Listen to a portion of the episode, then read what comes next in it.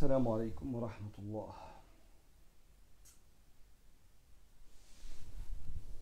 السلام عليكم ورحمة الله وبركاته. يا كرم الله.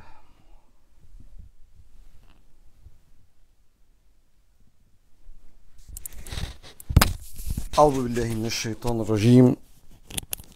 بسم الله الرحمن الرحيم. الحمد لله رب العالمين. والصلاة والسلام على سيدي رسول الله صلى الله عليه وآله وسلم. اللهم صل صلاة كاملة وسلم سلاما تاما على نبي تنحل به العقد وتنفرج به الكرب وتقضى به الحوائج وتنال به الرغائب وحسن الخواتيم ويستسقى الغمام بوجهه الكريم وعلى آله. بسم الله مكملين. مع حضراتكم خاطرة الفجر. بسم الله مكملين. شرح معاني الحكم العطائية لتاج الدين أحمد بن عطاء الله السكندري. رحمه الله ونفعنا الله بعلومه وعلومكم في الدارين آمين. بينسب للإمام الشافعي أنه بيقول أن ليلة القدر ليلة 21 الإمام الشافعي إمام كبير. وكلمته تمشي علينا. والليلة النهاردة مع كم الأمطار اللي فيها في بلادنا ومع كم يعني ومع كم الخيرات. اللي ربنا فتح بيها على العباد والمصلين والناس اللي بتدعي واحد يستبشر إنها ممكن تبقى ليلة القدر. وليلة قدرك يوم ما قلبك يتوجه لربنا سبحانه وتعالى وقدر الإنسان بيصنع لما بيكون مع الكبير سبحانه وتعالى. وبالتالي يا رب لو كانت ليلة القدر اكرمنا وإحنا مع بعض دلوقتي بنذكرك وبندعيك. ولو كانت لسه ليلة القدر في أيام تانية جاية في رمضان فاللهم بلغنا ليلة القدر. ابن عطاء الله النهاردة بيقول لك حالة قلب معينة لو عشت بيها هتبقى أكتر واحد هيستفيد بليلة القدر. قال سيدنا الإمام الكبير ابن عطاء الله السكندري رحمه الله ونفعنا الله بعلومه وعلومكم في الدارين آمين. قال ورود الإمداد بحسب الاستعداد وشروق الأنوار على حسب صفاء الأسرار. ورود يعني مجيء. الإمداد يعني المعاني اللي ربنا بيمد بيها قلبك. بحسب الاستعداد بحسب استعداد قلبك للاستقبال. وشروق الأنوار يعني المعاني دي تبدأ تنور قلبك بحسب صفاء الأسرار لو قلبك ده صافي. عايز يقول لك إيه ابن عطاء الله السكندري؟ عايز يقول لك إن أنت ربنا سبحانه وتعالى بيغذي روحك وقلبك بالمعاني زي ما بيغذي قلبك بالأكل. وزي ما وفي السماء رزقكم الأكل والشرب واللبس والعربيات والبيوت زي وفي السماء رزقكم معاني القلب ومعاني الروح. ومعاني القلب والروح هي اللي بتعمل لحياة البني آدم معنى وبتعمل طعم للدنيا. ومعاني القلب والروح هي اللي بتتقل ميزانك يوم القيامة يوم لا ينفع مال ولا بنون إلا من أتى الله بقلب سليم. وسيدنا النبي يقول لك إن الله لا ينظر إلى صوركم ولا إلى أجسادكم. مش بالعضلات هي عند ربنا.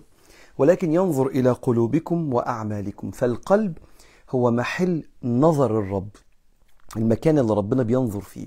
فكل ما كان قلب الإنسان عايش في الدنيا بيدور على ربنا. وزي ما بيسعى على رزق المباني الأشياء الملموسة اللي بيغذي بيها نفسه ويستمتع بيها بيسعى على رزق المعاني. أهو ربنا بيبعت لك معاني زي ما بيبعت لك أكل. زي ما ليك عنده فطار وغدا وعشاء ووجبات في النص ويشربك ويأكلك ويدلعك ويبسطك زي ما ليك عنده برضه وجبات روحانية. بعدد أنفاسك في مدد من ربنا. كل ما عينك بتقع على نعمة في معنى بيترمي. كل ما عينك بتقع على بلية في عينك في معنى بيترمي في قلبك. كل ما تشوف مبتلى أو منعم كل ما تسمع آية قرآنية أو تشوف حد من حبايبك كل ما بيحصل أي حاجة في معنى. المعنى ده لو أنت مستعد هتفهم مش مستعد مش هتفهم. مش عشان المعنى ما اتبعتش علشان أنا مش جاهز. جهاز الاستقبال مش متجه لربنا. فاتبعت معنى وأنا باصص الناحية التانية. فوزعت الغنائم وأنت نائم. زي ما كان سيدنا الشيخ يقول لنا. فكل ما البني آدم زي ما هتجيلك حكمة بعد شوية ابن عطاء الله يقولها لك يقول لك الغافل يستيقظ يقول ماذا سأفعل؟ والعاقل يستيقظ يقول ماذا سيفعل الله بي. أنت ممكن تشوف حادثة على الطريق فتفتكر قد إيه إن دوام الحال من المحال وإن الإنسان ممكن ينزل من بيته وما يرجعش أو يرجع عنده إصابة أو يرجع عنده خسارة كبيرة أو يرجع ربنا نجاه. وكلها إن شاء الله معاني ما فيهاش قبض. يعني مش كلها معاني كئيبة. لا معاني تخلي الواحد طب أنا مش هنزل من بيتي إلا ونيتي كويسة. وأنا بقول الدعاء بسم الله توكلت على الله ولا حول ولا قوة إلا بالله. مش هيبقى نيتي أظلم حد في مشاويري اللي بعملها. مش هيبقى نيتي أمشي برجلي المعصية.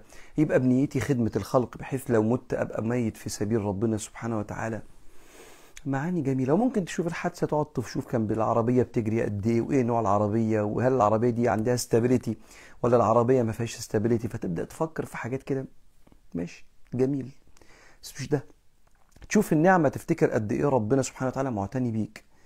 أو تشوف النعمة فتبدأ تركز فيها وبكام وتقارنها بالنعمة اللي في إيد صاحبك. القلب مش مستعد أو القلب جاهز. فبيقول له ورود الإمداد تروح بيتك بجد حاسس إنك غني. أنا النهارده فطرت. يعني أقصد وقت الفطار كنت صايم وفطرت والأكل نزل اتهضم. وشربت المية اتبلعت. مفيش هنا وجع وأنا ببلع. بعرف أبلع ريقي. ده أنا بعد ما ش... بعد ما فطرت شربت كوباية شاي ومزاجي اتعدل. وبعدين كان في حد جايب حلو وهو بيزورنا فأكلنا الحلو مع بعض. ده أنا فطرت واتدلعت ومزاجي اتعدل وكلت حلو. تصدق أنا صليت؟ هو إزاي ربنا معيشنا في رغد العيش دنيا وآخرة كده مدينا الدنيا ومدينا الآخرة. لما تشوف كده تخش تنام بعد شوية وأنت حاسس إنك ملك. ملك زي ما كان أحد الصالحين وهو طالع من الدرس. معاه شوية عيش مكسر كده شوية فول ناشف فطلعوا من درس العلم كان ده من 1200 سنة يعني أو كده يعني. فحط العيش الناشف في النهر والفول كده يبله علشان يطرى. فبيقول صاحبه والله إننا لفي نعيم. لو يعلمه الملوك لقاتلونا عليه بالسيوف.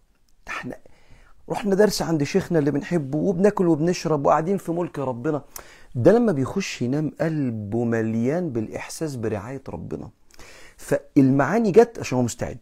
واحد تاني إحنا بنروح الدروس يا رب وبندور عليك ومش لاقيين يعني إلا شوية العيش ده وشوية الفول نبلهم في المية وناكلهم. فين الأكل والشرب اللي عند الناس اللي عندها قصور؟ اللي ماشيه على حل شعرها وبعيد عنك مديهم وسايبنا إحنا طلبة العلم. لا هو قلبه مستعد للإحساس برغد العيش. فجات له المعاني على قد استعداده ورود الإمداد بحسب الاستعداد. وشروق الأنوار قلبي ينور يهدى. يعني إيه قلبي ينور؟ يشوف الحقيقة. هقف قدامك كده يطلع من قلبي نور عليك فأشوفك على حقيقتك. فما تصدمش في الناس. أقف قدام النعمة قلبي ينور عليها فأشوف النعمة بحقيقتها. فأشوفها كبيرة. أقف قدام البلية فأشوفها على حقيقتها أشوف لطف ربنا. ما هو قلبي بيطلع نور. هو شروق الأنوار بحسب صفاء الأسرار. كل ما كان قلبي صافي تجاه ربنا ما بلومش عليه. صافي تجاه البشر ما عنديش استعلاء عليهم. شايفهم بخير. الخير في وفي أمتي إلى يوم القيامة. العاصي منهم معلش بكرة يبقى قريب. والقاسي منهم معلش ما توفرلوش اللي يحنن قلبه. والبعيد منهم بكرة يقرب والقريب منهم سبقني لربنا. كل الناس فيها ماليش دعوة ماليش دعوة. مش دوري إن أنا إن الحكم إلا لله مش ليا. أمر ألا تعبدوا إلا إياه. آه خلاص أنا هركز في أمر ربنا بقى دلوقتي. مش هركز في الحكم على الخلق.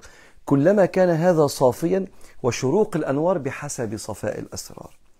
فلما ابقى أنا عارف إن أنا في عناية ربنا لما يبعت لي نعمة ده كتير عليا والله يا رب. يبعت لي بلية معلش أنت معايا قدر ولطف قدر ولطف هو معايا ومش هيسيبني وهيكرمنا إن شاء الله. إيه الحلاوة دي؟ قلبي صافي لربنا وللخلق. ساعتها بقى الركعتين في ليلة القدر تطلع منهم ولي من أولياء الله. التسبيحة تملأ قلبك بالسكينة. يوم الصيام يا سلام باعد الله بينه وبين النار سبعين خريفا وتبقى حاسس بربنا. دعوة يتفتح لها أبواب السماء. أنت أكتر واحد مستفيد بالعشر الأواخر ليه؟ مستعد. مستعد أن أرى وأفهم عن الله. فسيدنا ابن عطاء الله بيقول لك إيه بقى؟ ورود الإمداد بحسب الاستعداد وشروق الأنوار بحسب صفاء الأسرار. يلا على العظمة. مروة بتقول والدتي توفيت بكانسر من عشر شهور بقيت بحس بالوحدة والغربة بعدها. طبعا يا مروة مش واحدة مش واحدة عادية اللي ماتت دي أمك. ربنا يعينك. هي كانت كل حياتي. إلهي رب يا بخت أمك بالكلام اللي اللي هتسمعه إن شاء الله ده. كانت كل حياتي تقريبا. وكمان بهدلتها ووجعها في مرضها لسه واجعني. مش بنساه وحاسة إن الدنيا ما بقاش ليها طعم. لعلها عند الله من الشهداء. ولا يجد الشهيد من مس القتل إلا كما يجد أحدكم من مس القرصة. فيمكن يكون شكل جسمها كان مرهق بس ربنا يكون لطيف بيها ودي حاجة هي اللي تقولها لما تقابليها بكرة عند ربنا بعد عمر طويل إن شاء الله في سبيل الله. ربنا يطول في عمرك ويبارك في عمرك يا مرة. هتشوفي إن هي إن شاء الله ممكن الظاهر كان الألم لكن ربنا كان لطيف بيها من جواها. زي ما تشوف الشهيد كده واخد رصاصة من مدفع قنبلة من مدفع متقطع تيجي تقول له بكرة كده عند ربنا أنت اتوجعت؟ يقول لك حد قرصني بس لأن النبي قال كده ما يحسش إلا بالقرص. ادعي لها كتير أعمال صالحة كتير تبعتيها لها وربنا يجمعكم على خير إن شاء الله في الوقت المناسب. إذا أذيت شخص ماذا أفعل؟ أروح أستسمحه وأعتذر له؟ ولو مش قادر أعمل كده أو مش قادر أعمل كده أشكر فيه قدام الناس ولو في حق يرجع له يرجع له وأحسن حاجة نستسمح اللي أذيناه. حتى لو ما سامحنيش يكفي بس إنه شافني بخبط على بابه أو بتصل بيه وبقول له حقك عليا. كيف يمكن للإنسان التخلص من العصبية والغضب؟ رقم واحد يعرف إيه اللي بيعصبه. وورا العصبية خوف. الغضب فرع من فروع الخوف. أعرف إيه الفير اللي تحت. في تحت كده خالص في القاع في خوف معين. لما بتحصل حاجة بتعصب لأني خايف مش مسيطر فقدت السيطرة. أول حاجة. تاني حاجة أبص للأحداث اللي بتحصل من الناس تعصبني إنها من أقدار الله وإن ربنا بيربيني بكورس عملي على إن أنا أتغلب على غضبي وأتحكم في نفسي وأعرف إن أقرب الناس إلى الله أكثرهم كظما للغيظ والكاظمين الغيظ والعافين عن الناس والله يحب المحسنين.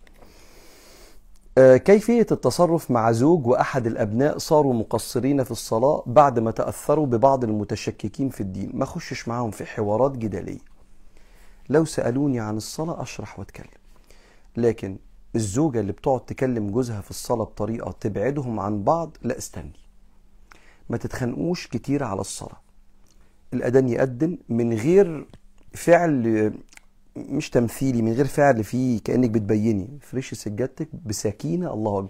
مش الله أكبر بسم الله الرحمن كأنك متضايق. لا. الله أكبر وصلي. خليهم يشوفوا الصلاة حواليهم. ادعي لهم في سجدتك ربنا يهدي قلبهم للتعلق بالصلاة. ولو دار بينك وبينهم نقاش ابعت لهم فيديو عن حد بيتكلم عن الصلاة زي ما هم تأثروا بحد بيشككهم في الدين أو في الصلاة. لكن ما يبقوش وما بيصلوش وكمان بتتخانقوا كل يوم ولما بتتخانقوا بتبعدوا فبيعندوا أكتر مش عايزين يصلوا. ادعي لهم كتير. هل تأخر الإنجاب ابتلاء من ربنا ومرض السكر ابتلاء من ربنا؟ وإزاي أعرف الابتلاء ده حب ولا عقاب؟ كلمة ابتلاء يعني فعل يظهر ما في داخلك. يبلو يعني يظهر. مش الابتلاء يعني ربنا بيعاقب. تأخر الإنجاب ربنا بيقول لله ملك السماوات والأرض يخلق ما يشاء. يهب لمن يشاء إناثا فتخلف بنات بس ويهب لمن يشاء الذكور فتخلف ولاد بس. أو يزوجهم ذكرانا وإناثا أو تخلف ولاد وبنات ويجعل من يشاء عقيما ما تخلفش. إنه عليم قدير. ستنا عائشة أم المؤمنين ما خلفتش. وكتير من الصالحات ما خلفوش. وكتير من الأولياء الكبار ما خلفوش. فمش عقاب من ربنا. ابتلاء يعني بمعنى شيء يحصل يظهر اللي في داخلك آه ده هيظهر رضاك ورضاك عند ربنا. نفس الكلام الأمراض. يظهر حبك وتعلقك بالله إنك أنت ربنا في الظاهر يعني بلغة البشر وجعك في حاجة ما هو هو اللي في إيده الشفاء. طب ما شافتنيش وبحبك. حاجة بتوجعني في جسمي وفي إيدك شفائها ومأخر شفائها لرحمة وحكمة عندك وبحبك. وراضي. وافعل ما تريد. لو جوايا أنا عايز الشفاء لكن لو حضرتك اخترت الشفاء خلاص يبقى اللي جوايا مش مع اختيار حضرتك نعمة. حضرتك ما اخترتش الشفاء دلوقتي يا رب رضا. راضي باختيارك وربك يخلق ما يشاء ويختار ما كان لهم الخيار. لكن لا انتقام ولا عقاب من ربنا إن شاء الله. مين هم محارم المرأة؟ يعني ابن عمها وابن خالها محارم ليها ولا لأ؟ المحارم أبوك وأمك وولادك وبعدين نفس الصف بتاع أبوك وأمك عمامك وخلانك جدك وجدتك جوزك طبعا. ولاد عمك وعمتك ينفعوا يتجوزوكي فمش محرم ليكي. ولاد خالك وخالتك ينفعوا يتجوزوكي فمش محرم ليكي. فدول المحارم. إزاي حضرتك بتسمع لغيرك في نفس سنك ومجالك وأنت علامة كبير في هذا المجال؟ حاجتين وأنا بقرأ السؤال ده. الحاجة الأولانية إن طبيعي الحاجة الأولانية الأهم. أنا مش علامة يا جماعة ومش بقول ده على سبيل التواضع.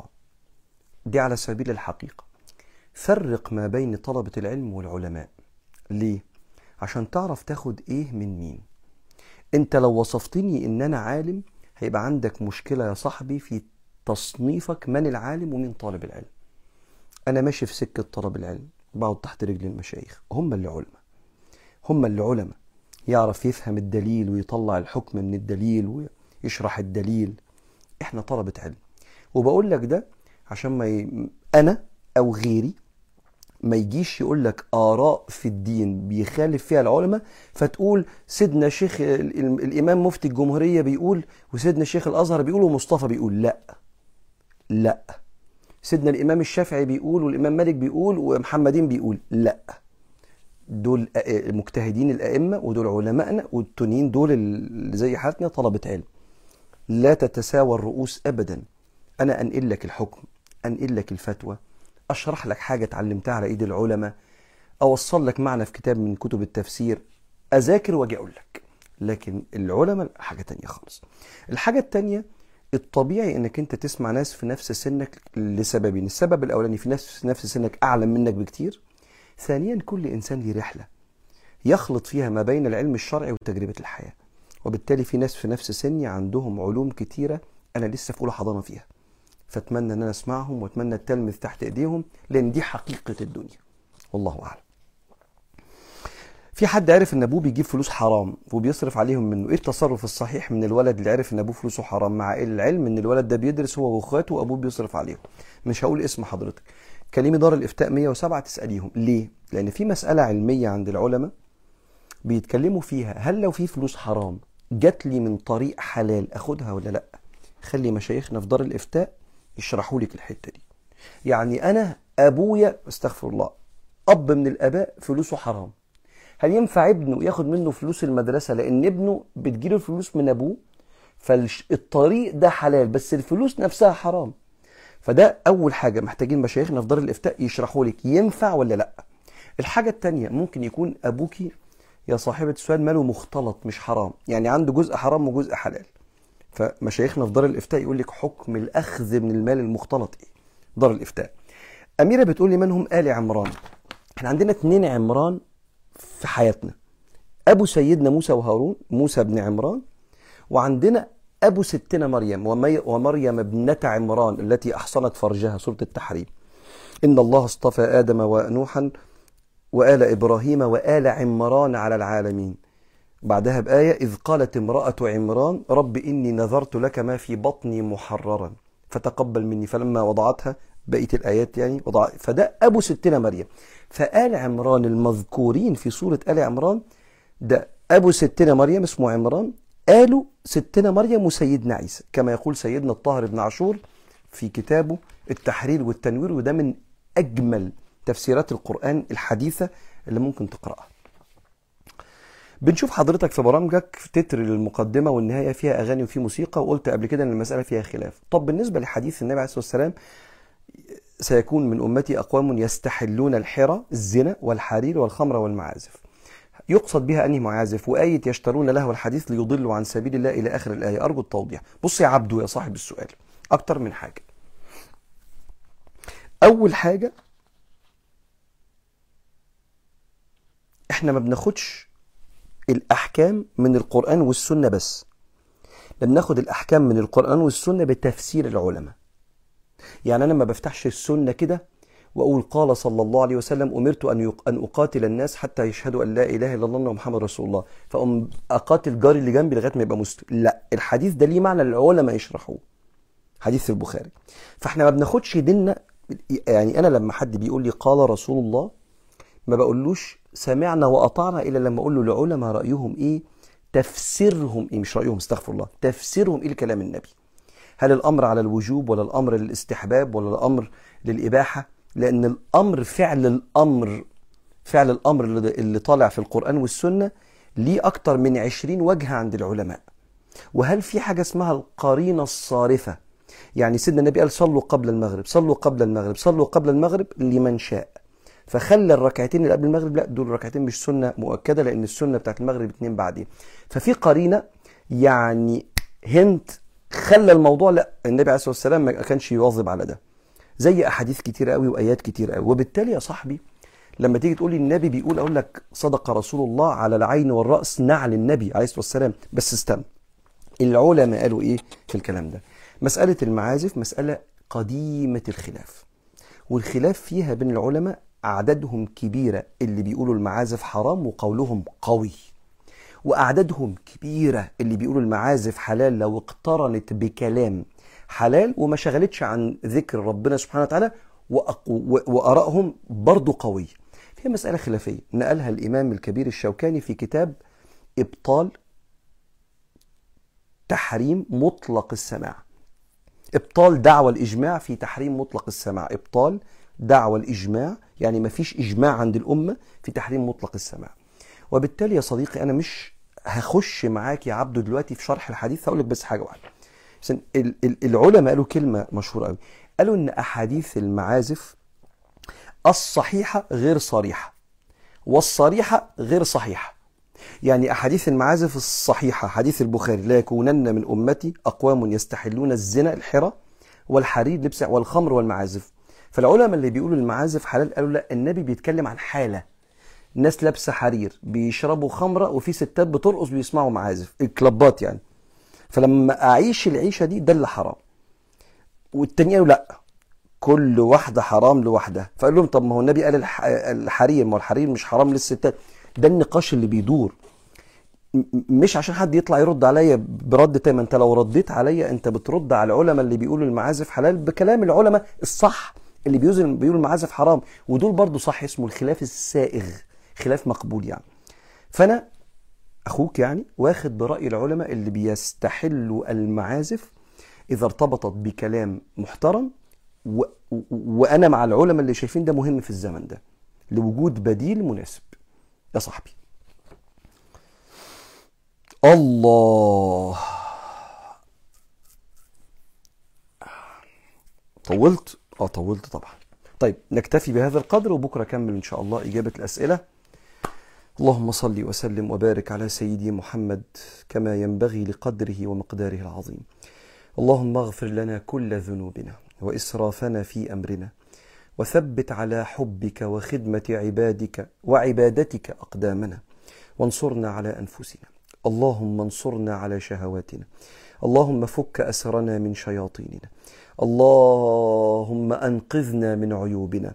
اللهم لا تشمت بنا أعداءنا. اللهم وسع علينا أرزاقنا.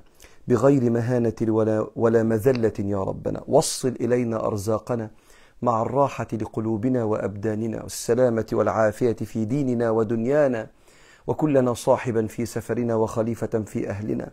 اللهم كن لنا صاحبا في سفرنا وخليفة في أهلنا. اللهم وسع علينا في أرزاقنا حتى لا نمد أيدينا إلا إليك ولا نتوكل بقلوبنا إلا عليك. اللهم وسع على بلادنا في الرزق. اللهم أعشنا في بلادنا في رغد العيش. اللهم من أراد ببلادنا خيرا فوفقه لكل خير. ومن أراد بنا سوءا فاصرفه عنا واشغله بنفسه. اللهم احملنا لبيتك الحرام. اللهم احملنا لزيارة النبي عليه الصلاة والسلام. اللهم اغفر لنا الكبائر والصغائر ولا تغرب شمس رمضان إلا وقد غربت بذنوبنا. اشف مرضانا ومرضى العالمين. اشف مرضانا ومرضى العالمين. اشف مرضانا ومرضى العالمين. اللهم اشف أبداننا من الأوجاع والآلام. واشف قلوبنا وعقولنا من الأحزان والمخاوف والأوهام. إنك يا ربنا ملك قدوس سلام. ارحم موتانا أجمعين. واجعل جميع أعمالنا في موازين حسنات موتانا. إن كان آباؤنا وأمهاتنا أحياء فاجعلنا في خدمتهم. وإن كانوا أموات فاصرف كل أعمالنا إلى موازين حسناتهم. اللهم بلغنا ليلة القدر واقبلنا فيها على ما كان منا من العمل يا ربنا. وصل اللهم وسلم وبارك على سيدنا محمد والحمد لله رب العالمين. نشوفكم بكرة على خير إن شاء الله. السلام عليكم. الله.